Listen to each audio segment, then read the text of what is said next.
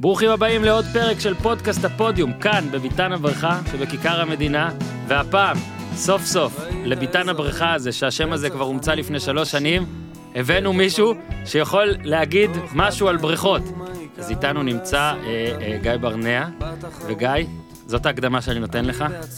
אני שחיתי שבע שנים, אני שנאתי לשחות, ועכשיו סוף סוף אני יכול לדבר עם מישהו שנראה שאהב את זה. גיזם, די בראש. כן אבל זה. היי קלאס, ניו אייג', אקסטרה אקסטרה לארג', מה ספיישל פרום דה יונייט סטייטס ארצות הברית זה בור בלי תחתית,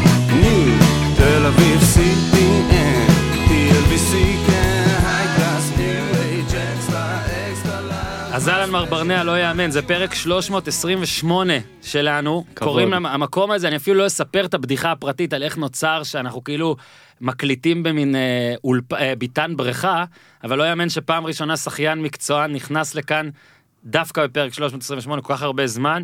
שמח שאתה כאן, מה העניינים, הכל בסדר? הכל מצוין, כיף להיות פה, כן, תודה על כן. הזמנה, יש לנו- באמת הגיע הזמן ששחיין יהיה פה בבריכה. זהו, הגיע הזמן. אחלה בריכה דרך אגב. אחלה בריכה, גם באת בבגד ים, ועל זה. ו- ועל זה עוד מעט. בוא נתחיל מזה באמת, אוקיי? אני... אני רוצה שתהיה קצת הפסיכולוג שלי, או תסבירי מה לא בסדר איתי, או אולי גם אתה ככה. אני אה, מגיל 6 ומשהו, 6 וחצי אולי, 6, אימא שלי החליטה עבורי שאני צריך לשחות. מכבי נהריה, אתה יודע, זה, זה רציני כזה, לכאורה, לא רציני כמוך, אבל מאוד רציני. מהמם. אימונים כל יום, לפעמים גם אימוני בוקר, גם אימוני ערב, תחרויות. ואני אני חייב להגיד שאני שנאתי את זה.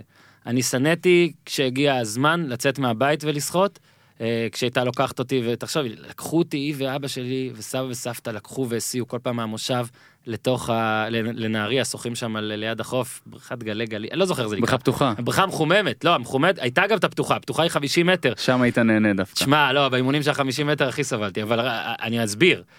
הייתה לי הנאה מטורפת כשסיימתי, זה כן, אבל אה, מאוד שנאתי את התהליך, אה, גם כי זה היה לי קשה, גם כי כנראה לא הייתי מדהים מדהים מדהים בזה, ואני בטוח שכשאתה טוב במשהו אז אתה... זה עוזר. והכי היה קשה לי שאתה, נגיד היו אימונים, אני זוכר שכבר הגענו לחמישה קילומטר, שישה, נכון, אני לא ממציא, זה, זה, הגיוני, הגיוני כן, שאני אעשה את זה. נשמע אימון, אה, הגיוני. כן, שגרתי. כן, אתה בטח הרבה יותר, אבל אני אומר, זה כן כבר מסה, פשוט לא עבר לי הזמן, נגיד היו, שהיית עושה, שהיו אומרים לעשות אימונים של, אתה יודע, בריכה פה, בריכה שם, ומקצים זריזים, זה עוד היה לי כיף, אבל כשהיו לי לפעמים, הרי אתה, זה קילומטר, מתחילים ב-40 בריכות של 25, כן. סע, וזה היה משגע אותי. ואתמול אה, קיבלתי הודעה, או השבוע קיבלתי הודעה ממאזין יקר, והוא שאל אותי איך מורידים פרקים. אז הסברתי לו איך מורידים באפליקציה שלו פרקים שישמרו לטלפון, ו- ולא הבנתי למה, והוא, והוא סיפר שהוא רוצה לשחות עם זה. וואלה. ואז הוא גם צילם לי את עצמו, והוא סיפר שבזכות הפרקים באוזן הוא עשה את האימון הכי ארוך בחייו. רעיון טוב. אז, אז אני חושב שאם היה, אם היו פודקאסטים, כשאני הייתי שוחה, אולי היה לי טיפה יותר, אה, יותר קל, יותר קל, כן, למרות שזה מאוד שונה, הוא שוחה בשביל... אה, נכון. אבל אני קראתי... ריקריאיישנל, אתה כזה לה- בקבוצה עם... אה, עם- כן, כן. קראתי ראיון איתך, כמה ראיונות לקראת שבאת פה, עשיתי תחקיר, אנחנו משקיעים פה, קצת. קצת. ואחד הדברים ש... שאהבתי לקרוא זה שאמרת, טוב, זה לא שהייתי קם בבוקר ויאללה, היית קם באיזה באסה מסוימת, אבל היית אומר לעצמך נגיד אולימפיאדה, אולימפיאדה, אולימפיאדה, היית מכביד את עצמך והולך. אבל כשמתחיל האימון, כשהיו את המשחים הארוכים האלה, ואין אוזניות, ואין כלום, היה לך כיף או באסה? אמ, זו שאלה שממש תלויה בתקופה שהייתי, כאילו אתה אומר ששחית עד גיל 13 נכון? כן. אז יכול להיות שעד גיל 13 אני לא יודע כמה הייתי נהנה מהשחייה עצמה כמו שהייתי נהנה מלהצליח בה או כמו Mhm. שזה היה פשוט אה, מפגש מסגרת חברתית שהייתה לי אחרי הבית ספר הייתי נפגש עם החברים הכי טובים שלי שם. אה, כן אהבתי את המים אבל כמו כל ילד אתה יודע אני לא אוהב אה, שעתיים שמעבידים אותי בבוקר וגם בערב. אה, ולהגיע לכאב הפיזי הזה בגוף כאילו גם לי היו מלא אימונים שחיכיתי שהזמן ייגמר והוא לא עבר וטחנו אותי במים ואתה מסתובב אחרי זה כל היום גם בבית ספר וגם כאילו פשוט כל היום שלך אתה הגוף שלך בכאב כאילו כן. זוכר את האימון. אה, ומתי שבאמת התחלתי ליהנות ולהעריך את מה שאנחנו עושים זה טיפה בגילים יותר מאוחרים. אז קודם כל באמת השחייה נתנה לי הרבה והיא נותנת הרבה להמון שחיינים לאו דווקא לשחיינים אולימפיים. יש אה, איזשהו אה, דרך נורא יפה עכשיו שמקבלים מלגות בארצות הברית. אה, ויוצאים לשם לאיזה ארבע שנים אז כאילו טוב, זה כבר נשמע יותר טוב. זה, זה כבר מתחיל, אמא, אתה מתחיל למה לקצור, לא, למה אני לא לברקלי, אמא? בדיוק, אז אתה מתחיל לקצור יותר את, ה, את הפירות ולאט לאט אתה מתחיל להעריך את זה ש... וואלה העבודה שלי מה שאני קם בבוקר ועושה וגם מקבל על זה כסף למרות שזה לא הסיבה שאני עושה את זה אבל העבודה שלי זה לקום בבוקר ל- לעשות משהו שהוא דואג לגוף שלי כן. אני עושה פעילות גופנית אני עושה את זה עם אנשים החברים הכי טובים שלי מכל העולם אני טס בכל העולם אני יש לי את הזכות לייצג את המדינה לייצג משהו שהוא הרבה יותר אה, גדול ממני. אה, וגם על הדרך להצליח ולזכות אה, להגשים כל מיני חלומות כזה שהיו לי לעמוד על פודיום בתחרות גדולה להשתתף באולימפיאדה אה, לעלות שם לחצי גמר כאילו כן. כל מיני אה, דברים נורא נחמדים כאלה בדרך. זהו, כן, צריך להגיד, גם אולימפיאדה, אה, כסף אליפות אירופה, אני לא נותן את כל ההישגים וכל המדליות, אבל אני חושב שאלה שתי אליפויות עולם, נכון? לא 11 אליפויות עולם. לא, שתי, שני גמרים. שני באליפות, גמרים כן, כן. נכון באליפויות עולם מקום שישי בעולם זה הכי גבוה שלי כן. אה, שלוש מדליות באליפויות אירופה אליפות אה, ארצות הברית ביחד עם אה, ברקלי באוניברסיטאות. אה, זה, זה נראה לי כבר מתחיל, אה, וואלה, אני טוב והכל. זה אבל- כבר נשמע כיף. כן, זה כבר נשמע כיף. אני, אני אומר לך שתחשוב, אני, אני, אני נראה לי כבר סיפרתי את זה פה אז אני מצטער, אני חושב שזכיתי במדליה אחת בכל הקריירה שלי, והייתה בתחרות הראשונה או השנייה, אוקיי. בבריכה של אה, מלון קרלטון, אולי. יצא לך, אולי יצא לך, אה, כאילו לא, זה לא הגג ש- שמה. כן, לא יאמן שוחים שם בנהריה, בנהריה, אה, קרלטון. נהריה, אוקיי, לא אוקיי. זה. לא יאמן שבכלל הייתה שם תחרות, זה בטח הייתה תחרות נהריה אופן או משהו, שגם תושבי עכו וזרעית הורשו להצטרף וזהו. אבל שם זכיתי, אז אני מניח שגם אה, אם הייתי אה, קצת זוכר הכל היה יותר טוב. מה היית עושה במים, אתה זוכר? במשחים הארוכים, על מה אתה חושב? מה אתה... באימונים לא בתחרויות. כן, כן, אני תחרויות אתה חושב לא ש... חושב. קודם כל אני אפתח בזה, אני, אני, את הנושא הזה. אני חושב שאנשים לא מבינים עד כמה קשה המקצוע הזה. אני חושב שהוא קשה בכל רמה, הוא קשה גופנית, אבל אני חושב, הוא הכי קשה מנטלית. אני חושב שהוא הכי קשה מנטלית מכל מקצוע שאני יכול לחשוב עליו. כי כן. גם יש בו את האינדיבידואל, אתה לבד, אם זה באימונים, בלחכות לתחרות, לחכות לתורך, בלסחוט את המסחה, עם כל הכבוד לזה שיש מאמן ויש עוד חבר'ה איתך בנבחרת, זה אתה. כן. הצלחת זה אתה, נכשלת זה אתה. אין לך, אה, נגיד אחרי זה אני שיחקתי כדורסל, בכדורסל יכול להיות לך יום פחות טוב, אבל הקבוצה תנצח ואף אחד לא יגיד כלום ולא ישים לב. ואם הולך לך טוב כולם ישימו לב אליך. שחייה זה הכל אתה, זה, יש לך תוצאה, אתה נגד עצמך, אתה נגד אחרים. ראיתי בעוד ראיון שעשית, איך אתה, אה, כשאתה שוחה אתה מסתכל קצת פוזל לצדדים לפי אה, התזות המים, אתה יודע מי לפניך, מי, זה פשוט תחום מנטלי קשה. כן, קודם כל אני חושב שיש כמה ענפי ספורט לדעתי מנטליים יותר קשים, אבל אה, טניס, אגרוף, טניס, טניס זה מקביל את המוחות, זה כן, אחד על אחד שם. מטורף, אבל השחייה דווקא זה, מה שאמרת זה הדברים שהכי אהבתי, וגם. מי שאוהב שחייה זה הדברים שהוא הכי אוהב. כן. שאני יודע שהעבודה הקשה שאני עושה, וזה שאני עובד עכשיו במשך שבועות על הזווית הכי קטנה של הזרת שלי, איך שהיא נכנסת למים, אהה. ואיך זה משפיע לי על כל הסגנון, ואיך אני מרגיש יותר עוצמתי ויותר מחובר. אז הדברים הקטנים האלה, אני רואה אותם פשוט בתוצאות אחרי זה. אז העבודה הקשה שאני עושה, אני רואה את התוצאות. לעומת, אה, אתה יודע, אה, ספורט קבוצתי וזה, שבאמת, אתה לא כל כך יכול לראות, אתה משפיע, אבל זה לא הכי אובייקטיבי שיש. נכון. פה יש לך ממש תוצאה, אתה מדוד, וזה משהו שזה כיף, זה כיף להתחרות מול ה- ה- המנטליים האלה, לרדת פעם ראשונה מדקה, או לרדת מתוצאה. מסוימת.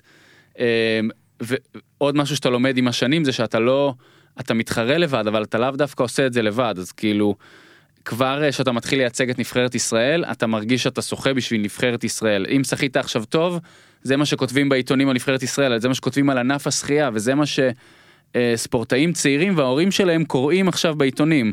אתה יכול לראות את זה בג'ודו, שכאילו כמה תחרויות נורא נורא חזקות, וזה גורר גל של אה, המון המון ילדים שנכנסים לספורט, ואתה רואה איזה יופי זה עושה לענף.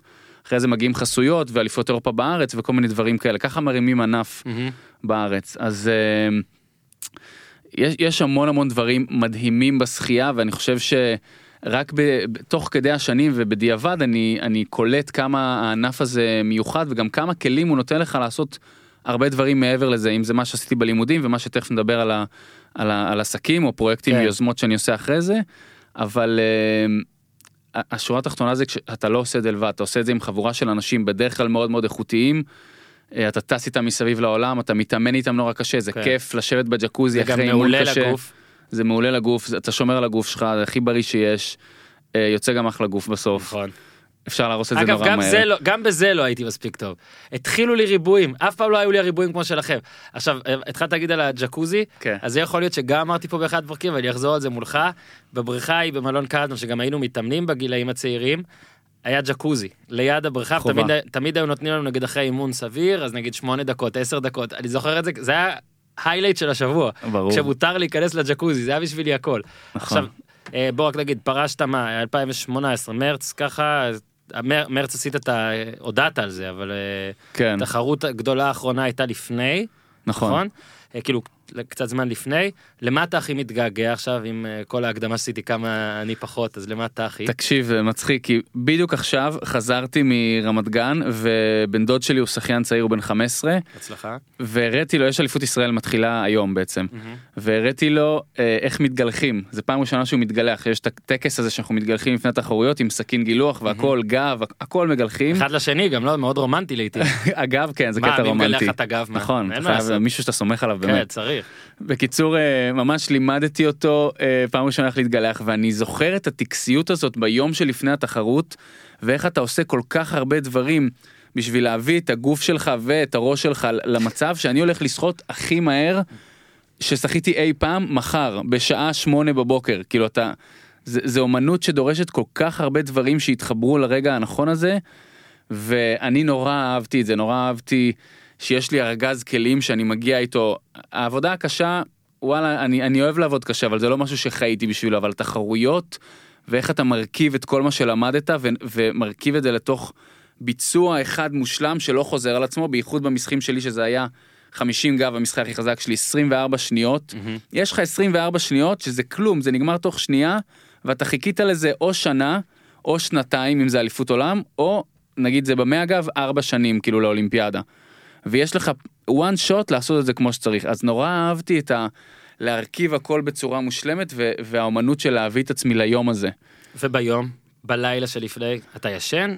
זה, שוב, זה, אני חוזר לקטע של, אני בטוח שגם כדורגלנים וכדורסלנים יש להם את זה, אבל שוב, הם יודעים שיש איתם חבר'ה. כן. הם יודעים שיש איתם אנשים במאבק, הם מתרגשים, אבל יודעים שעכשיו בלילה יש עוד 11 או 10 חבר'ה נגד כדורגל שיפתחו איתם בהרכב, וגם הם קצת בפחדים האלה של הלילה מבינים את זה, אפשר לדבר על זה למחרת.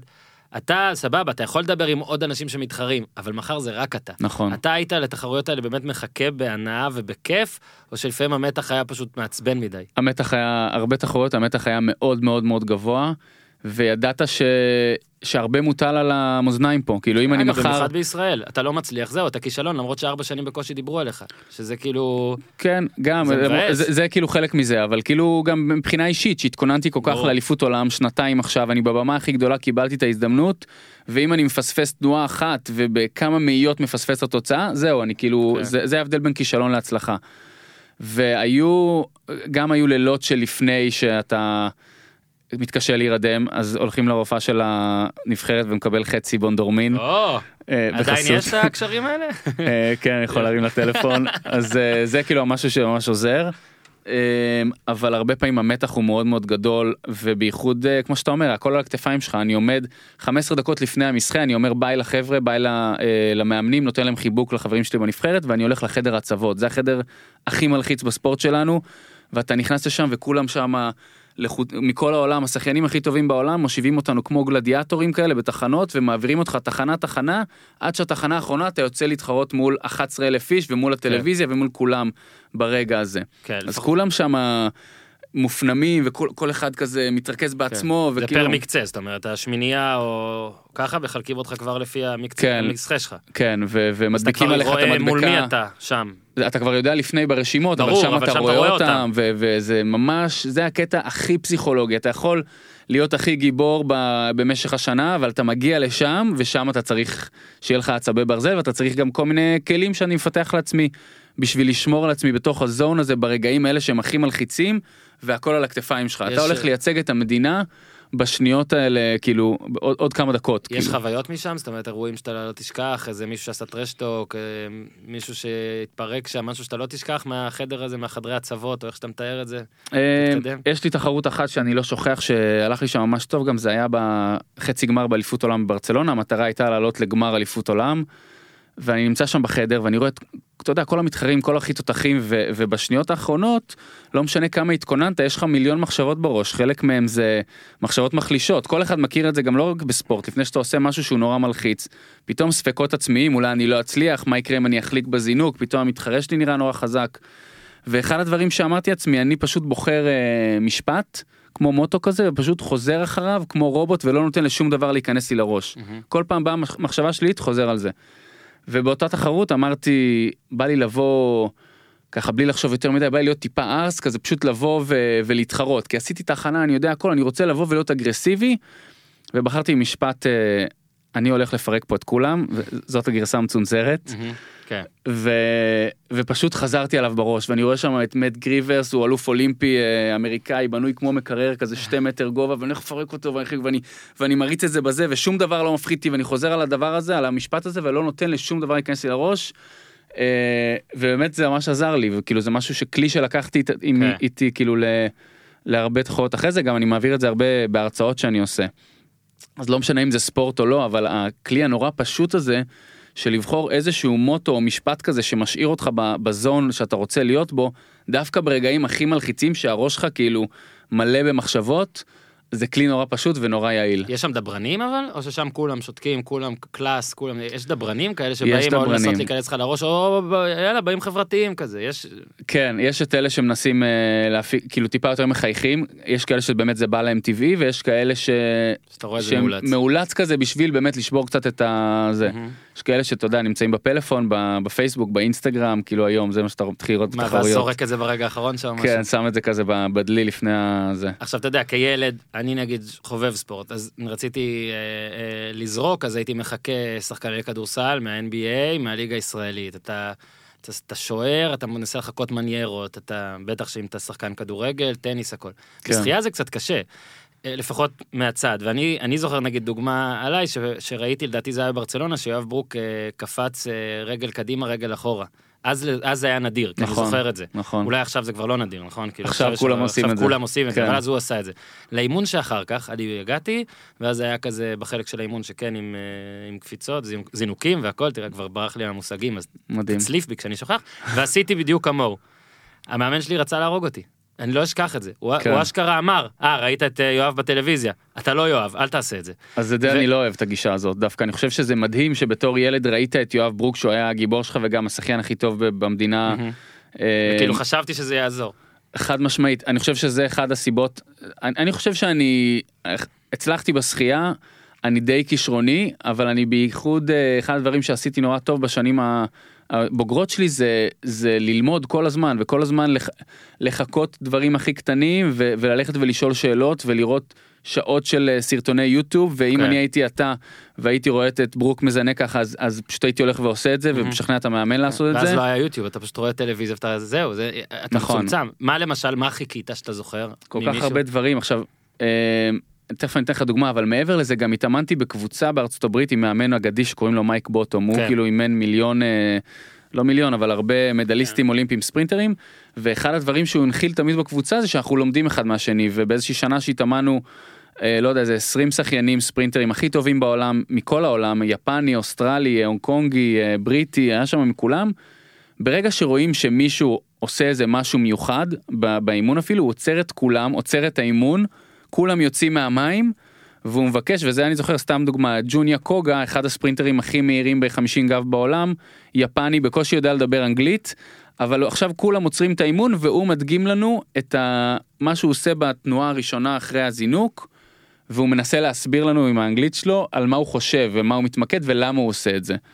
וזה היה אחת המתנות הכי גדולות שהיו לי שבאמת הצלחתי אה, במזל או לא במזל להיכנס ל, לכל מיני קבוצות שפשוט הנחילו את התרבות הזאת והפכו אותי לספורטאי שכל הזמן מנסה ללמוד ולא חושב שאתה יודע אחרי שעשיתי אולימפיאד או שכאילו שברתי שיא ישראלי שזהו אני עכשיו יודע הכל וכאילו מהמם. מעכשיו פשוט אף אחד לא יכול ללמד אותי כלום אז תמיד באמת בלי בושה הייתי מגיע ל... אה, לשיאן עולמי וידעתי שנגיד אה, יש איזושהי נסיעה ללוס אנג'לס שהתאמנתי בקליפורניה באותה שנה. אז אני לפני מברר אם אפשר להשיג לי חצי שעה אחד על אחד עם פיטר מרשל שבאותה שנה היה לו את השיא עולם בחמישים גב. וקיבלתי כן. אז כאילו אני חושב שספורטאים צעירים וגם לא צעירים צריך את החוצפה הזאת קצת, את ה... כן ו- קטע טוב. לגמרי הכי זה גם מחמיא לספורטאי הזה וגם אה, ככה לומדים כאילו כן. אי אפשר לחשוב שאנחנו יודעים הכל כאילו בכל כך הרבה דוגמאות ב- בספורט הישראלי. היום נגיד ספורט ההורים, אני קורא לזה ספורט הורים, שההורים רוצים שהילד יעשה, זה נראה לי ג'ודו. אני מרגיש שזה ככה. אוקיי. אה, לדעתי בתקופה שלי זה הרגיש כמו שחייה, היו לי גם, אתה יודע, זה גם כי עשיתי את זה וחברים והכל, אבל קראתי שאתה נגיד, כאילו, אני עשיתי את זה בגלל שהגב שלי, הקמת וכל הדברים, וחשבו זה יישר, יישר חלקית, אתה קראתי בגלל אסתמה. כן. אה, זאת אומרת, זה, זה גם מגניב, זאת אומרת שיש, אה, שיש תחום שההורים דוחפים, מכיוון שהוא יכול לעזור לך אה, אה, לדברים האלה. באיזה גיל אז באמת הרגשת שאתה כבר עושה את זה בשבילך? זאת אומרת, ולא בשביל, בוא נגיד, אסתמה או כי אימא רצתה, באיזה גיל אתה זוכר? מההתחלה. מההתחלה. אותי לא עניין שיש לי אסתמה, גם כן. אפילו נראה לי לא ידעתי שיש לי אסתמה. ונהנית, מההתחלה, קפצת, נהנית. כן, אני חושב ש... בעומר אגב, נכון? באר שבע. בעומר, שזה יישוב מאוד מאוד קטן בדרום, שאחד הדברים היחידים שיש שם לעשות בשבתות זה ללכת לבריכה. גם חם. נכון. ואני חושב שמה שאהבתי להיות, נורא אהבתי להיות במים, ואחד הדברים שהכי הדליק אותי זה פשוט להיות הישגי ולהיות טוב במשהו. וזה התחיל מהפעם הראשונה שאבא שלי לימד אותי לשחות בבריכה בחוץ שמה, כאילו של החובבנים כזה, של הכיף.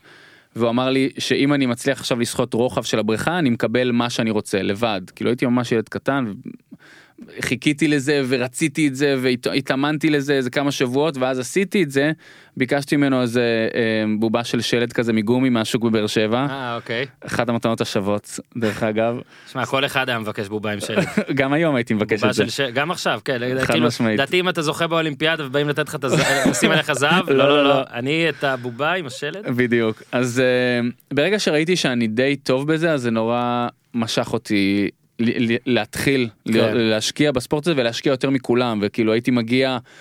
אה, רציתי להגיע לפני האימון חצי שעה לפני כולם ולעשות גמישות ולעשות אקסטרות בשביל להמשיך את ההרגשה הזאת שאני כן. לא, עושה משהו ואני טוב זה, בו. כן. היה, לנו גם היו עושים כושר לפני, אחרי, דברים פתאום, שם באמת היו, מי ששוחה, מבין עד כמה נגיד אה, שכיבות צמיחה, אני זוכר שהיינו מגיעים ל... ל- באמת, למאה, מאה, נכון אולי יותר אפילו, כילד, נגיד כן. עכשיו אני בטח עושה איזה 20 ומת, אבל, כן. אבל אני, אני אשכרה זוכר את זה, איזה, איזה, איזה ספורט סיזיפי זה.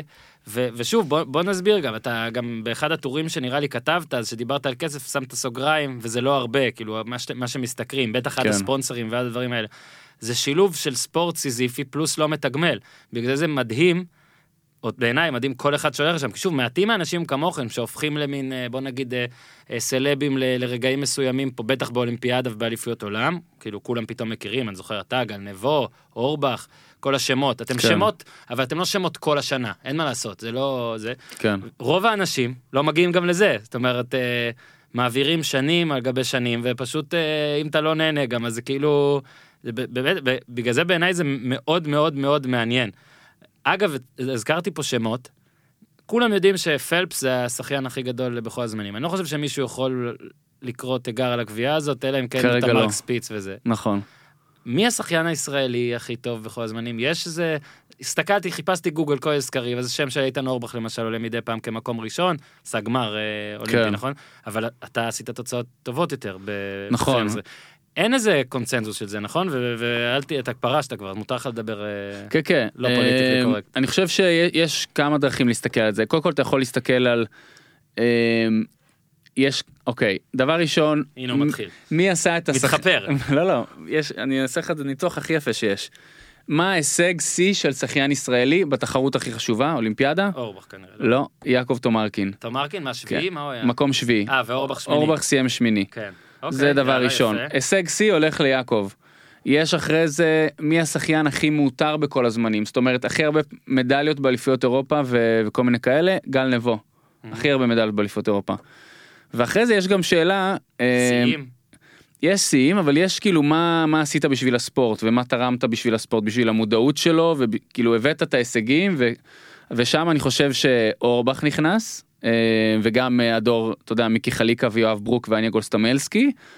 אה, וזהו ובכל הצניעות אם אני יכול. להגיד על עצמי אני חושב שהבאתי הישגים אני חושב שגם הרבה דברים אה, כזה שלי היה נורא כיף לעשות שהם כזה טיפה העלו את השחייה על, ה- על המפה אם זה היה תחרות all stars שעשינו כמה שנים בנגב שכזה ערוץ כן. הספורט הגיעו.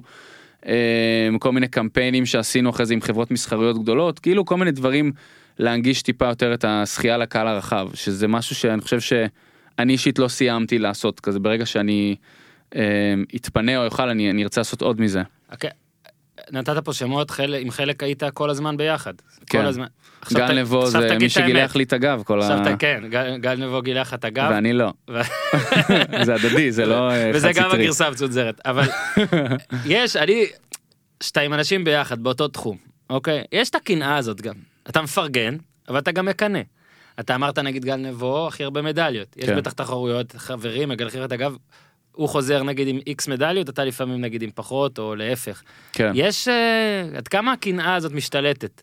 אמ, אני חושב שבתוך השחייה יש איזושהי בועה כזאת של פרגון לא רק בשחייה הישראלית גם בשחייה העולמית זה, זה חלק מה, מהקלאס של אמיתי, הספורט אמיתי אתה אומר. הכי אמיתי שיש וואלה.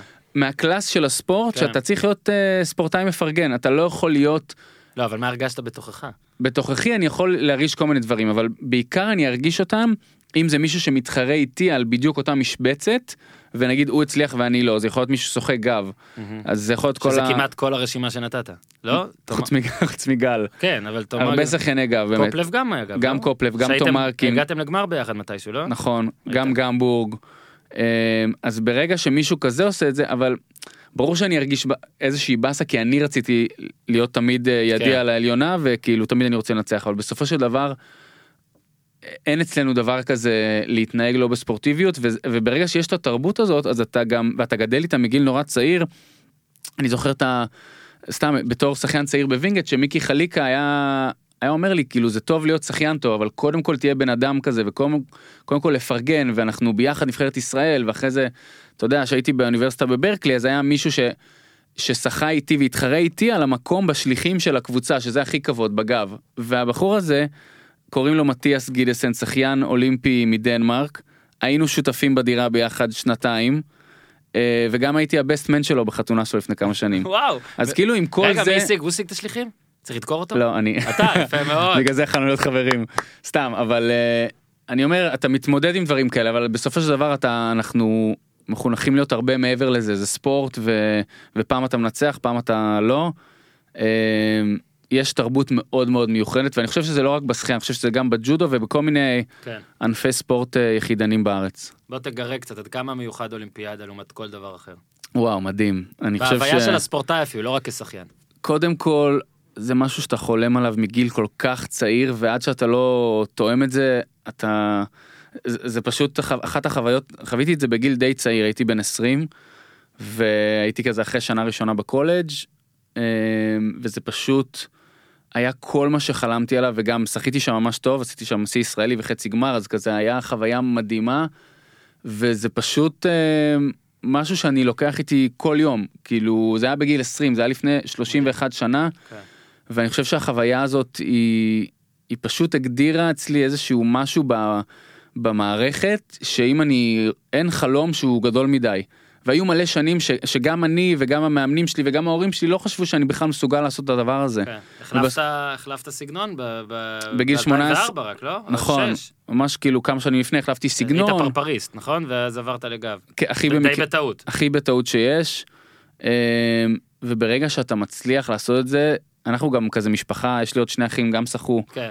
אז אנחנו כזה נורא רגשנים אנחנו בוכים הרבה אז כאילו גם אחד הדברים שהכי חשובים לי היו לגרום להורים שלי את ההנאה הזאת וההתרגשות הזאת וה, והסיפוק הזה של הם השקיעו בי כל כך הרבה מגיל צעיר ו- ו- ותמכו וסייעו ו- ושלא הלך לי טוב וכאילו אני, אני מרגיש שאחת הסיבות וה- והמוטיבציה הכי גדולות היו לי לעבוד קשה ולהצליח ולהביא הישגים היא לאו דווקא בשביל שאני אוכל אתה יודע לדפוק לעצמי על השכם ולהגיד כאילו וואלה גיא איזה תותח אתה זה כאילו הדבר הכי מדהים בספורט ש, שברגע אחד במאית אתה יכול לגרום אושר מטורף התפרצות של אושר מטורף לכל כך הרבה אנשים גם האנשים שליוו אותך וגם פשוט אנשים שרוצים שישראל יצליחו. כן. אתה יכול ש- לראות את זה בכדורגל בגול הזה אבל אתה בכל כך הרבה ענפי ספורט אתה רואה את זה אז, אז זה היה הדבר שהכי היה לי כן. מדהים. אז נראה שברגע השגת הקריטריון, ברגע שידעת שאתה טס, זה היה בייג'ינג, נכון?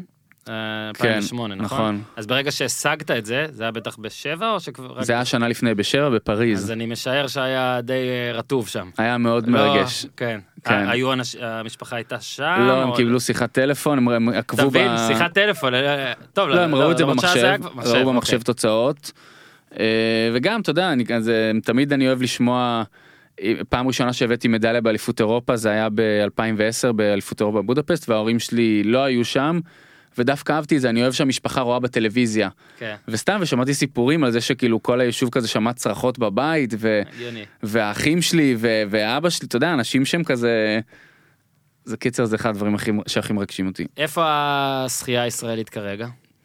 אני חושב שבאיזשהו איזשהו מקום ביניים לא הייתי אומר אפילו צומת כי הם קיבלו כל מיני החלטות לפני כמה שנים לצרף לפה את אה, דייב מרש שהוא מאמן שיש לו רזומה מטורף מאמן אמריקאי אה, עשו כל מיני מהלכים אמיצים. אני חושב שאני תמיד בעד מהלכים אמיצים כאילו צריך לנסות אבל יש עוד כל מיני שפצורים בדרך שצריך כזה לשים את היד על הדופק ואני חושב שעכשיו יש דור צעיר של הנוער מאוד מאוד מאוד חזק חזרו שם עם אה, כמה מדליות מאליפות אירופה לנוער. אני לצורך העניין סיימתי אחרון בגמר באליפות אירופה לנוער. אה, אז יש לך שם כישרון מטורף השאלה באמת איך אתה עושה את הקפיצה הזאת מהנוער לבוגרים שיכולה להיות נורא קשה או שיכולה להיות uh, קלה ואם עכשיו הם uh, נוסעים למ- למכללות להתאמן שם בקבוצות הכי טובות או שהם נשארים פה כן. יש המון החלטות נורא קריטיות וגם איפה הצבא בתוך כל הדבר הזה הרבה החלטות נורא לא, קריטיות. נראה זה פשוט כל כך מסובך שבאמת אה, פעם ב- יוצא איזה מישהו שממש ממש שומעים עבורו שלושה ארבעה כזה של לא שנתון אצלכם אלא מין נכון דור, דור, דורון נקרא לזה דור דור קטן כזה של לגמרי. ובגלל זה צריך שני דברים. אחד צריך מערכת שיודעת לטפח את הכישרונות האלה בכל הגילאים לא רק עד גיל 18 בדיוק. ודבר שני זה כמויות. וכמויות זה שכמויות של ילדים והורים ישלחו את הילדים שלהם לשחות גם כי זה ענף כן. בריא וגם כי הגיבורים אה, של המדינה זה זה שחיינים בעיה, וזו בעיה בכל ענף אגב. אומרים אין מספיק כדורגלנים. חוץ מג'ודו ג'ודו מלא- נגיד. נכון ג'ודו יש ב, כמו baby boom אז יש ג'ודו בום. פעם נכון. ב יש לך מדליה של אורי ששון למחרת בטח נרשמים איזה 400 איש. כן.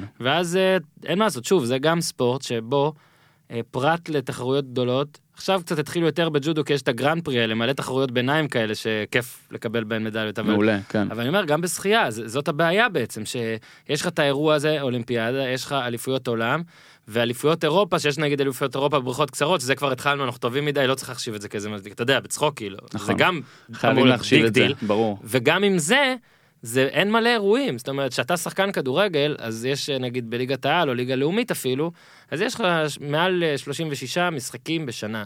כן. לראות אותך, להיחשף. הדבר מתדלק את עצמו.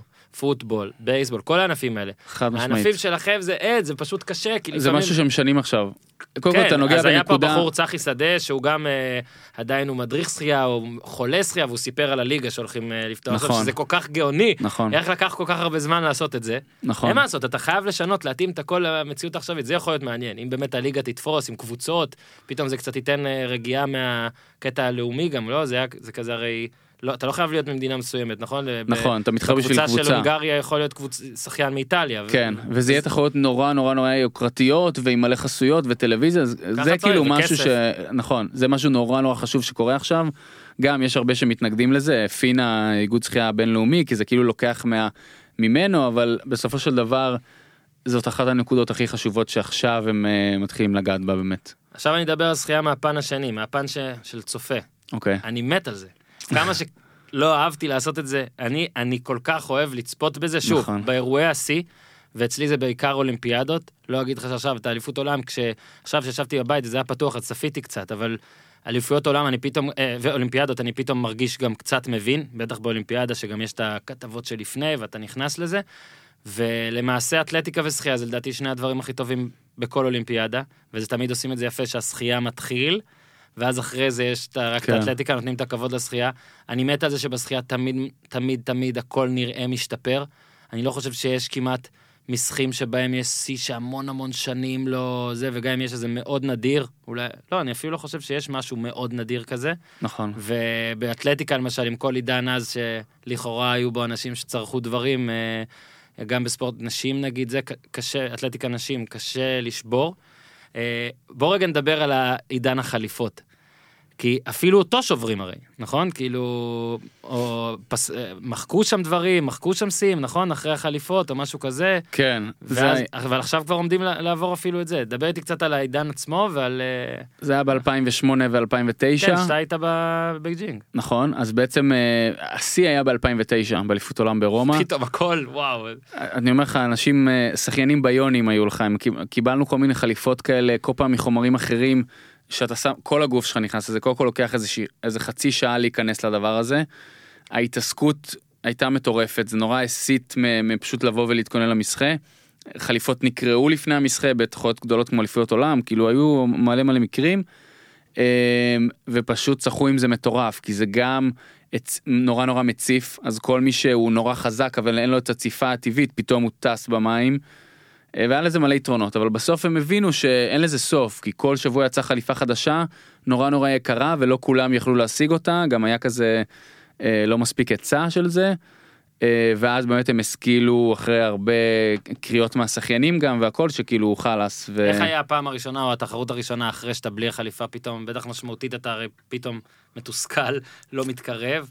אה, אני, אני זוכר שעוד ב, בכל מיני אימונים לאח, שנה אחרי זה אז היו עוד משתמשים בחליפות כאילו בשביל אה, ללמוד מזה או לקבל איזה שיעוריות מזה מה זה עושה לסגנון שלך וכל מיני כאלה אבל אני מאלה שנורא שמחתי בגלל ששחיתי ממש טוב עם החליפות אבל אה, פשוט הרגשתי שאני אני נורא אוהב להרגיש את המים על הגוף. אם אני לא לא מקבל את הפידבק הזה מכל תנועה שאני עושה אז אני מרגיש שאני סתם אה, מפרפר במים וכזה מאבד את עצמי ו, ונורא לא אהבתי את החליפה בגלל זה כן, את- ואז שלקחו את זה וגם יש לי ציפה טבעית כי אני כזה יחסית קל על המים אז הרגשתי שבלי כאילו אז לך יש צדק נעשה. היתרון בלי... החליפה כן. כן עכשיו, מה, נתת פה שתי אנקדוטות על גילוחים ועל הכל, תמיד היו את השאלות, כמה זה כבר מוריד?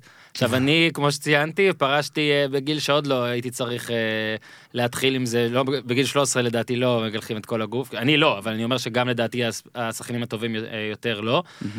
כמה זה באמת משמעותי?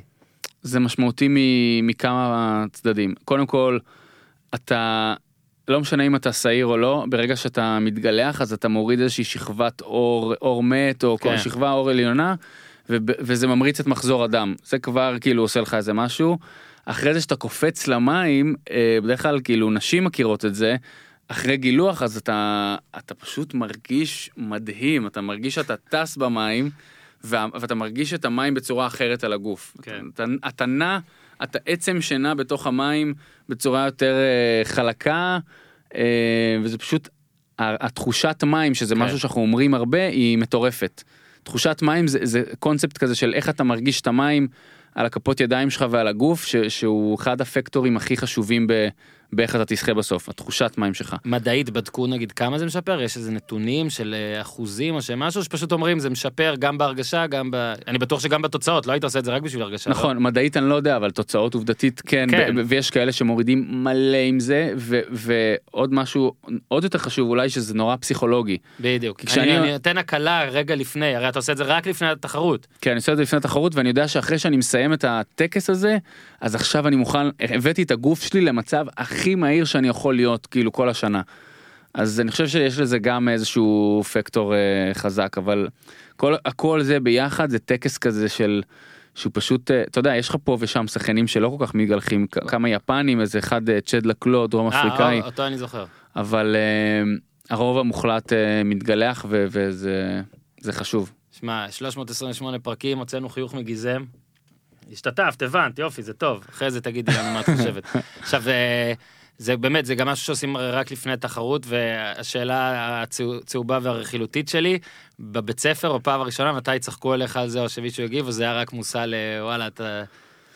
אה, בבית ספר, אני לא מרגיש, נגיד, קראתי עליך שאתה אומר שהייתי בא עם סימני משקפת וכל מיני דברים כאלה, אז, נכון. אז זה דבר שאתה יודע, אנשים מגיבים אליו, בואנה, הוא, נגיד כדורגלנים מגלחים את הרגליים, שזה יותר ל, לדברים אחרים, אבל עליך, על איזשהו פן במקצוע, בשחייה, היה כזה פידבקים פתאום מהבית ספר, מה... רק פידבקים טובים. כן. אני, קודם כל אני, טוב, זה הטייסים של הספורט כזה, לא? כן זה כאילו ספורט כזה נורא בגבוה נורא קלאס כזה. אה, ו- אתה כזה מתנשא. לא אבל אני תמיד הרגשתי נורא מיוחד שאני לא רק הולך לבית ספר ואחרי בית ספר הולך לשחק הולך לראות סרטים אני עושה משהו שהוא הרבה מעבר לזה אני כן. משקיע במשהו שאני טוב בו משהו שאני אוהב אני עובד קשה. ותמיד הרגשתי נורא מיוחד עם זה אז אז אהבתי שהיו לי את הסימנים של המשקפת אהבתי שהשיער שלי היה שרוף ומחומצן ובלונדיני מהכלור. אמ, אני לא יודע אם האחרים בכיתה נהנו מהריח של הכלור. כן. אבל uh, אני תמיד הרגשתי וגם גרמו לי להרגיש שאני כאילו הייתי השחיין כזה בשכבה אז כזה uh, גם הערסים אהבו אותי כאילו כולם אתה השחיין כן. אז uh, אף פעם לא צחקו על uh, או משהו כזה להפך איך אה, בעולם, נגיד אם לוקחים את הריצה, את האתלטיקה לקראת אה, טוקיו, אז אין בולט, זה פתאום, אין, אנשים, אין בולט, זה כאילו סחב אולימפיאדות, אין מה לעשות. כן קצת עכשיו הוריד את העניין. בשחייה, אין, אין פלפס. נכון אה, יש כן כאלה, גם שבר אה, ההונגרי, נכון? שבר את השיא שלו, ריסק לו איזה שיא עכשיו. כן מילק כן, ומה אבל לקראת האולימפ... מה הסיפור לדעתך עכשיו, שנה לפני טוקיו, מה הסיפור? זה שאלה מה זה מעניינת כי אני גם uh, מפרשן הרבה את התחרויות האלה וגם אולימפיאדה קודמת. ותמיד הקטע זה למצוא את הסיפור לא רק של האולימפיאדה וגם בכל משחה וברגע שיש לך גימורים חדשים אז אז אין כל כך עליהם עדיין איזשהו סיפור אז אז צריך להסתכל טיפה יותר עמוק. אז מישהו שעוד לא אמרת זה קלב דרסל שהוא שחיין אה, ספרינטר נגיד פלפס היה שחיין משחקים יותר ארוקים נכון. הוא ספרינטר הוא ספרינטר ששולט ברמה אתלטית אתה פשוט רואה בן אדם שהוא הוא עושה דברים נורא אלמנטריים כמו זינוק ופשוט הוא ברמה אחרת מכל הפילד שזה משהו שלא ראינו מפלפס פלפס היה פשוט מחזיק ולאט לאט מגדיל את הזה הוא כאילו כבר בזינוק באתלטיות. נותן איזה חצי גוף זה, זה סוג שונה של, של דומיננטיות. אה, הוא עשה דברים מדהימים באליפות עולם הזאת עכשיו וגם בקודמת הוא לקח עכשיו שמונה מדליות אה, שמונה מדליות. אה, כמעט כולם זהב וזה הכי הרבה מדליות שמישהו אי פעם זכה באליפות עולם יותר מפלפס פלפס לקח שבע. והוא שחיין אה, הוא פשוט כיף לראות אותו כי הוא נותן ביצועים נורא נורא מרשימים פיזית לעיניים בייחוד במשחקים קצרים ובגלל שעכשיו גם הוסיפו עוד שני משחקי שליחים של המיקס של הבנים בנות אז uh, באמת יש לו סיכוי להביא שם גם שבע מדליות זהב אם הכל הולך לו כמו שצריך. שבע זה השיא של- שהוא יכול לעשות? שמונה סליחה שמונה, שמונה זה. השיא של אה, פלפס לא, שבע אני אומר, הוא יכול לקחת שבע, זה זה המקסימום שהוא הוא יכול להביא שמונה יכול להיות תלוי אם הוא. מוסיף עוד משחק אבל ב- בעולם מושלם הוא- הוא יכול לגרום לזה לקרות. וואו. עכשיו וזה הוא אני חושב משהו שאמרו שלא יקרה שוב. נכון והוא גם שבר לפלפס את השיא כן. במאה מטר. כן. הצעיר ההונגרי ב-200 והוא ב-100. אז אה, הם הם שני שחיינים חוץ מהם יש כל מיני אה, גיבורים דימון, אה, דומיננטים בכל מיני משחקים אחרים גם נשים. ויש כן, רנומי קרומובידיו שלי ההולנדית, סיימה תשיעית, שלחו לי, אני אני לקחתי את זה מאוד קשה. לקחת קשה. לקחתי אז יש יש הרבה שחקניות אמריקאיות חדשות ועכשיו אה, ל- לדקי שהיא הייתה כאילו גם לה שולטת היה סיפור. אז. עכשיו הפסידה ב-400 ויש שחיינית אוסטרלית עולה אז יהיו הרבה משחקים צריך לראות איך השנה הקרובה תעצב את, ה, את, ה, את השחיינים האלה לקראת אבל- אבל זה האולימפיאדה. מה שיפה, התחלתי להגיד לך על כמה כיף זה לצפות. תראה איזה יופי שפלפס, שאולי בכל ענף אחר היית אומר וואלה ייקח עכשיו המון, נגיד אני לא רוצה להגיד כמה זמן ייקח לשבור את השיא של בולט, מרגיש כאילו המון זמן, אז גם פלפס הרגיש לי כאילו טוב לא ישברו שום דבר עכשיו איזה, כן, עוד בזמן שהוא היה לפעמים אה, בסוף באולימפיאדה האחרונה אה, ניצחו אותו, נכון. ועכשיו שברו לו הנה אתה אומר שני שיאים זה מה שיפה ש... לא יודע אבולוציה זה כל כך מתקדם ובגלל זה אני מאוד אוהב לצפות בשחייה כי אני חושב שמה ש... פן מאוד חשוב אתה דיברת על זינוקים ועל מה שפלפס עושה אבל בסופו של דבר זה תוצאות זה מאוד יפה זה מאוד מעניין. כן. אה, אתה יודע קל להסתכל על ספורט למה בעיניי אה, ספורט אמריקאי כל כך מצליח בעיני האמריקאים הם, הם אוהבים את המספרים הם אוהבים את הסטטיסטיקות זה ספורט שחייה אתה יודע כשבן אדם במשחק של 100 מטר מסיים 25 ואתה ישר רואה באיזה קצב הוא והיום עם הקו שמשיג את העולם זה פשוט ענף ש... שאולי אפילו מפתיע כמה שכיף לצפות בו. כן. ו- וזה בעיניי משהו שכאילו רק השתפר והשתפר. כן. אתה מבין? אני באמת חושב שטוקיו נגיד, אני באמת מחכה ל- ל- ל- לקטע של השחייה ב- בטוקיו. בוא נעבור טיפה, בוא נעבור טיפה לביזנס. אוקיי. אה, אז גם, גם גל נבו אה, התחיל, ו- ושוב, ספורטאים שהצליחו, והצליחו אולי לחסוך קצת, ונפגשו עם אנשים, והקשרים הנכונים, זה לא חדש, זאת אומרת, בהרבה ענפים עושים את זה. המקרה שלך הוא מאוד מעניין. עכשיו אני אגיד מה אני חושב שאני חושב, מה שאני חושב שאתה עושה, אתה תתקן אותי אם אני טועה. אוקיי. ואתה כשחיין, שכל היום מתעסק, עכשיו דיברנו חליפות בגדי ים, אתה עוד קצת לפני הפרישה, אבל עכשיו זה המיין אישו שלך, זה מה שאתה מתעסק בו. אה, בגדי ים לא לשחיינים, זאת אומרת, בגדי ים לאנשים, ללכת לבריכה, לים, לתאילנד, ל... לא- לאבובים, לא יודע, אל- תשלחו, לכו לנחל כזיב, כיף שם. אה, ליין של אה, של בגדי ים, זה מה שעשית, ועכשיו כן. אתה תרחיב. אה, אוקיי, אז באמת... איך בכלל, כאילו, למה, למה, כאילו, אני, בעיניי היה הגיוני שאתה תמשיך אולי חליפות או ספידואים אה, מעוצבים, או לא יודע מה, אבל הלכת דווקא על הפן השני. נכון, אז את האמת שבהתחלה נורא נורא- נורא רציתי לעשות אה, בריפים, שזה הגזרה התחתון, מעוצבים, כי זה משהו שנורא חסר לשחיינים, משהו שהוא מעוצב, יש גם סיפור מאחוריו, הוא כזה יותר מוקפד ו- ו- ומפנק כזה לגבר, משהו שאתה נראה איתו טוב, כאילו כל מה שהיה קיים. זה היה כל מיני צורות גיאומטריות וקצת אננסים ועצי דקל וכל מיני כאלה ואני רציתי לעשות משהו בהשראת איזשהו בגד ים שלבשתי בקבוצה שהתכוננה לאולימפיאדה. אה, אז רציתי לעשות משהו שכל בגד ים יש לו סיפור מאחוריו, הוא הגזרה שלו הכל כאילו רמה הכי הכי גבוהה שיש ו- ומיוחד לא כמו כולם כזה. אה, ובהתחלה קודם כל היה לי את הרעיון הזה מ-2008 כבר רק ב-2014 אה, נתקלתי בעבודות של אה, של רון נדל שהוא מעצב מאוד מאוד מוכשר. אה, ואמרתי אולי זה הזמן כזה אז יצרתי איתו קשר ואז אה, נפגשתי גם עם דוב הדר שהוא מעצב מדהים שעובד איתו שהוא איש שאנחנו מאוד אוהבים כאן. מאוד אגב. אוהבים אותו ו- והחלטנו שלושתנו להתחיל עדי- עדיין הייתי שחיין פעיל באותו זמן. כן. בוא נתחיל להריץ את זה נראה איך עושים את זה אף אחד מאיתנו לא עשה אף פעם אופנה לא כלום. אני, אני אקצר ממש את הסיפור הזה אבל כאילו לקח לנו כמה שנים לבנות מוצר אה, ברמה הכי גבוהה שיש גם מבחינת הבדים גזרות שמחמיאות למלא צורות גוף של גברים אה, ומהר מאוד ראינו שהגזרת בריף הזאת התחתון אנחנו עושים אותה יפה אבל עוד יותר מגניב אנחנו עושים שורטים נורא מגניבים ושורטים זה קהל שכולם לובשים בדיוק. אבא שלי לובש שורטים הבן דוד שלי לובש שורטים אני לובש שורטים אני לובש אותם כן. כל היום גם זה משהו שאתה יכול ממש פריט ש... בייחוד בעיר חוף כמו תל אביב או כאילו פה בישראל אתה לובש אותו כל היום. כל מי שלא צרפתי מהאייטיז כבר אה, לובש את הגרסה הזאת. את בדיוק. המכנס הארוך יותר, אבל זהו, אז התחלתם ממש, בזבז, כאילו לא בזבזת, השקעת שנה, שנתיים בבריפים, בקצרים, לא, בספידרים? כאילו? מ- מההתחלה אמרנו אם אנחנו אה, כבר עושים מההתחלה. בריפים נעז-. נעשה גם שורטים אבל כל הרעיון שלי היה בריפים זה הכי עניין אותי בתור שחיין.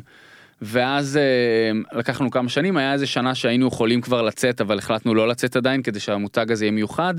החלטנו לקרוא לו weekends at סופה עם ב כל פעם בקונספט אחר. אה, זה כאילו נורא הדליק אותנו כי זה שם פתוח כזה עם משחקיות ואנחנו לא כל כך מתעסקים בטרנדיות של אותה שנה ואנחנו לא באים מעולם האופנה אבל נורא מדליק אותנו כל מיני קונספטים מעניינים בעולם הזה. רגע, אז איך החלוקה עובדת? זאת אומרת, הרעיון היה שלך, פנית אליהם, אתה יותר, מה, אתה מביא את ה... אתה כאילו מתעסק בבדים, גזרות, אה, אה, מאיפה לייבא בצד הביזנס יותר, הם המעצבים מן הסתם. כן אתה בטח, אבל גם יש לך את הרעיונות הכלליים של דברים שאהבת. כן שמע, אני חייב להגיד, זה, זה, זה מתיימר אפילו, זה כאילו לבוא ולהגיד, אה, הרי אתה יודע, יש בגדי ים, יש הרבה בגדי ים מעוצבים, כבר בשנה ההיא שהתחלת כבר היו, כאילו, זה כבר קטע של לקנות בגד ים, ללכת איתו, לנסוע איתו לתאילנד, לטוס איתו לתאילנד. כן אבל אם שהיה- היית מסתכל אתה צודק אבל אם היית מסתכל באמת ברמה גבוהה כמה מו- מותגי בגדי ים יש שהם לא Vilebrequin או Orlebar Brown שעולים 200 פאונד ומעלה מהמם. שהם באמת ברמה עיצובית גבוהה וגם הבגד ים באיכות גבוהה ולא חסכו עליך. אתה לא היית מוצא וזה מה שאני עשיתי אני נכנסתי לעולם הזה ו- ורציתי להגיש חוויה באמת ברמה הכי הכי גבוהה שיש. ואני חושב שאחרי כל השנים האלה אנחנו הגענו לרמה מטורפת ומעבר לזה שהבגד ים מאוד מאוד ייחודי והעיצובים כמו שאמרתי כל פעם זה weekend z בעולם אחר ויש כל פעם סיפור מאחורי קולקציה ומאחורי בגד ים. אז אנחנו לא זורקים אה, אננסים ועצי דקל סתם דוגמה השנה הייתה לנו קולקציית אה, weekend z the speed of light אה, סיפורי אור שאנחנו בחרנו מכל כל הסיפורי אור שיש בעולם השישה סיפורים שמבחינה עיצובית הכי מעניין להגיש אותם על בגד ים. מה זאת אומרת, אחד מה... אחד זה האורות הצפוניים, אחד זה ספקטרום, שזה הקלר איי-די הזה שאתה רואה אחרי שמסתכלים כן. על אור שנשבר דרך מנסרה, ככה אנחנו יודעים מה כוכבים עשויים. אז רון המעצב אה, מסתכל, כל, מיני, כל אלמנט או מינרל יש, יש לו איזשהו קלר איי-די כזה, אז בחרנו את האלה שהכי יפים וארגנו אותם, כאילו הוא הציב את זה על הבגד ים בצורה שהוא חושב שהכי מעניינת. מדהים. אה, פטריות שמפיקות אור בשביל להתרבות, כל מיני דברים כאלה שאתה באמת לא תמצא בשום מקום. והדבר האחרון שעשינו, אה, שזה מדהים, הדבר האחרון. זה הכי הכי הכי אני כאילו כיף הסתכלתי על זה שעשינו. עכשיו שוב, אני מכיר את דוב, אה, גילוי נאות, סתם, לא יודע, עבדנו ביחד במעריב, הוא גם עיצב לי את הכריכה לספר אה, אה, של זהבי, אז אני מאשר שהוא מבין עניין. אה, גם שם יש אורות והכל, אבל אה, תשמע, זה נראה מדהים, ואני פשוט, שכש- כששמעתי שאתם קשורים אה, ליוניברסל, כן, אז רגע בוא נגיד, לא לא אמרנו מה זה. לא, אני רוצה להרים, להרים, אה, להרים. אוקיי, עכשיו, רק תוכל לשעמם אותם. לא. אז אה, אחד הדברים שנורא רצינו לעשות זה קולקציה לסרט שאנחנו נו- נורא אוהבים, סרט שאנחנו הכי אוהבים בכל הזמנים, שהוא כולל את הדברים שאנחנו נורא אוהבים שהם יוניקים ומיוחדים. זה צריך להיות קצת שמות, שנות ה-80, קצת נוסטלגי, פופ כזה צבעוני, איזה משהו שמצית את הדמיון, נסיעה בזמן לדוגמה. אז אמרנו בחזרה לעתיד של רוברט זמקיס ו- וסטיבן ספילברג, זה הסרט הכי קלאסי לעשות את זה, גם לא נגעו בו הרבה זמן, למרות ששנה הבאה זה 35 שנה לסרט. אה, ואמרנו טוב בוא נעשה את זה ו... ואז אתה שואל את עצמך איך אתה עושה את זה ואחד הדברים שאני יודע לעשות מאוד טוב מהבית ספר לעסקים בברקלי ו... ובכללים האחרים זה פשוט לשלוח אימייל. ואז מה שעשיתי זה פשוט חיפשתי בגוגל Universal Studios licensing מצאתי שם איזשהו אימייל נורא גנרי שלחתי לו ממש הצגתי את עצמי אה, הראיתי את הדברים שעשינו עד עכשיו ו... וביקשתי כאילו אתה יודע ביקשתי לעשות איתם איזה משהו ואז אה, מישהו ראה את זה אחרי לא הרבה זמן קישר אותנו לנציגות אה, בארץ. אה, והם נורא נורא התלהבו ממה שאנחנו עושים בדרך כלל לוקחות אה, חברות מאוד מאוד גדולות כמו Zara H&M את הזכויות ו... והם גם הכמויות שם אחרות לגמרי וגם מה שקורה מבחינה עיצובית הם מקבלים אה, בנק של תמונות וגרפיקות שמהם הם יכולים להשתמש שמים את הלוגו כאילו דברים הכי פשוטים. כן, ואנחנו בגלל שאנחנו אה, בית עיצוב כזה כאילו גרפי אז הכל חייב להיות בתת שלנו אז בעצם אה, עיצבנו מחדש את האלמנטים ואת מרטי ודוק ואת הדלוריאן וכל אלה. וזה היה צריך מעבר לכל האישורים שהיינו צריכים לקבל גם על התהליך ייצור שלנו ועל הכל. זה היה צריך לקבל אישור מיוחד מאמבלין אנטרטיימנט של זה החברת הפקות של ספילברג. במשך בוא נגיד כמה שבועות לא ישנו בלילה פשוט חיכינו לתשובה מהם שהם יגידו וואלה העיצובים שלכם שהמצאתם מהראש שלכם כאילו בהשראת הסרט הם מרימים לסרט אנחנו אוהבים אותם ואנחנו רוצים שזה יהיה מרץ' אופישל של הזה. ואז קיבלנו תשובה חיובית ושהם גם נורא אהבו את זה. וואו. ומשם התחילו לקרות כל מיני דברים גם הם אה, מציגים את זה בכנסים שלהם מסביב לעולם ב- בווגאס בדובאי מסתובבים עם זה בשביל להראות דוגמה למרץ' איכותי לסרט הזה לקראת ה-35 שנה. אה, היה כנס בארץ שהוא ה- הבחור אדם קוראים לו אה, ביקש ממני את הסרט פרסומת שעשינו את זה שזה גם סיפור מטורף. אה, ביים אותו נמרוד שפירא במאי ישראלי מדהים שגר בניו יורק. שיש לו גם שם של שחיין. נכון, לפחות שני במקרה. שמות מתוך ארבעה של השחיין. אז עשינו אפשר לראות את זה באינסטגרם שלנו של weekend z וגם בפייסבוק עשינו סרט מה זה מגניב ממש בנינו את ה hoverboard ועשינו אה, צילמנו מישהו בבריכה בווילה בקיסריה רוכב על הוברבורד אה, אז קיצר בכנס הזה הוא ביקש ממני להציג את זה מול כולם פה בארץ וזה ואחד הדברים המגניבים שקרו בשבועות האחרונים מאז שהוצאנו את הקולקציה אה, המון קבוצות מעריצים אה, רשמיות בינלאומיות מכל העולם ממש העיפו את, הקולקציה הזאת. גם את הסרטונים שעשינו גם את המוצרים וזה ואנחנו מאוד נהנים מזה מעבר לזה שפשוט היה נורא כיף לעסוק במשהו ש... שהוא קשור לאולפני אוניברסל ולסרט שגדלנו עליו כזה. שמע, זה באמת נראה לי כמו גמר של אולימפיאדה הדבר הזה. זה מרגיש ככה. פודיום אפילו. כן, זה, זה מרגיש ככה. מה, אתה, אתה יכול, אני לא יודע אם ספילברג בעצמו אה, הוא זה שמסתכל במיילים ואומר וואלה זה טוב ויפה, אבל החברה שלו עושה את זה וזה סרט באמת, זה לא בסדר, וכשאתה לוקח את את התשוקה שלך, את הביזנס שלך ומשלב אותו עם דבר כזה, התחלת להגיד על אה, שבועות של מחכים. כן. אה, אני מניח שזה באמת הרגע שאתה, הרגע שאתה מקבל את האוקיי לזה, זה באמת כמו שנגיד הרגע שההורים שלך ש- רואים במחשב או, שומעים שעשית כן. קריטריון או משהו כזה. צרחות. מה, לאן עוד עכשיו, לאן עוד אה, אפשר לקחת את הדבר הזה? אה, למלא מקומות אני חושב שזה הקולקציה הזאת הייתה נורא חשובה בשביל להראות לנו ולעולם כזה שיש פה מותג שהוא לא הוא לא בא לעשות את זה כתחביב כי אנחנו נורא נהנים מזה אבל אנחנו באים לעשות פה משהו ברמה באמת אה, בינלאומית וגבוהה. אה, יש לנו המון לקוחות מכל העולם כבר ויש לנו גם חנות פה בארץ בשנקין 57 וזה בעצם העונה השלישית שלנו שהיא כמו הקרש מקפצה לעונה הבאה ובעונה הבאה אנחנו רוצים באמת אה, להיכנס לשוק חדש שזה הוא לא חדש אבל פשוט להיכנס אליו בצורה הרבה יותר חזקה השוק האמריקאי. אה, זה לא אומר שאנחנו נפסיק לשלוח לכל העולם כמו שאנחנו עושים עכשיו כאילו אם זה יפן או, או אוסטרליה או אירופה וכאלה אבל ממש להיכנס לארה"ב כמו שצריך.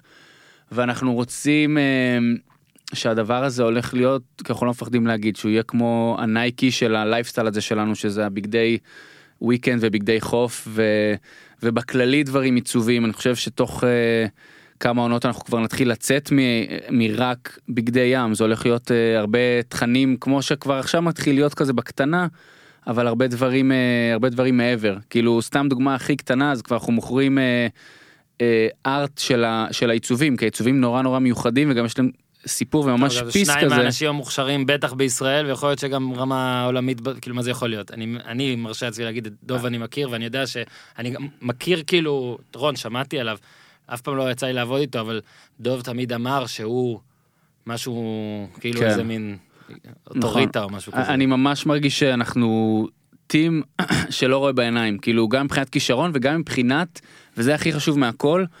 אמ, אנחנו לא מחפפים בשום דבר כאילו דברים שאנחנו נתעכב עליהם והפרטים הכי קטנים שיש בדיוק כמו שהייתי עושה בשחייה שהייתי עובד על הסנטימטר הזה של הכניסה למים אז פה אין דבר ש... שהגזרה הזאת בסנטימטר עוף או שכאילו ההדפסה הזאת לא 100%. כן. ומה שמדהים זה שמצאתי שני פרטנרים מעולמות אחרים לגמרי של העיצוב שהם בדיוק כמוני אם לא אפילו יותר משוגעים בקטע הזה. כן. אז אתה יכול להיות בטוח שכל מוצר וכל דבר שאנחנו מוציאים הוא הכי מוקפד והכי חווייתי והכי מושלם שאנחנו יכול, יכולנו להוציא.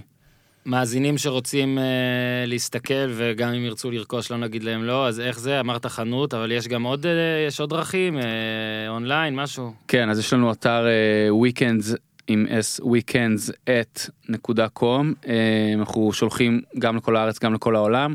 אה, חנות קונספט שלנו בשנקין 57 בתל אביב ממש מגניבה כדאי אה, סתם לבוא לראות אפילו מי שאוהב אה, יוז, יוזמות ודברים עיצוביים.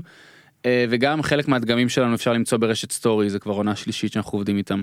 סגור אתה עוד צוחק קצת? כן את האמת שאתמול שחיתי בגורדון והיה לי מה זה כיף. מה אה, כמה כמה שחית? אז זהו שעכשיו שאני שוחה אני מנסה לסיים את ה... לצאת מהמים ושיהיה לי רעב לשחות עוד אז אני שחיתי קילומטר. מה זה יפה הייתי בטוח שתגיד לי שחיתי 20 בריכות וזה טוב 40 40 גורדון זה קצרה נכון? ארוכה אז 20 גורדון זה. ארוכה?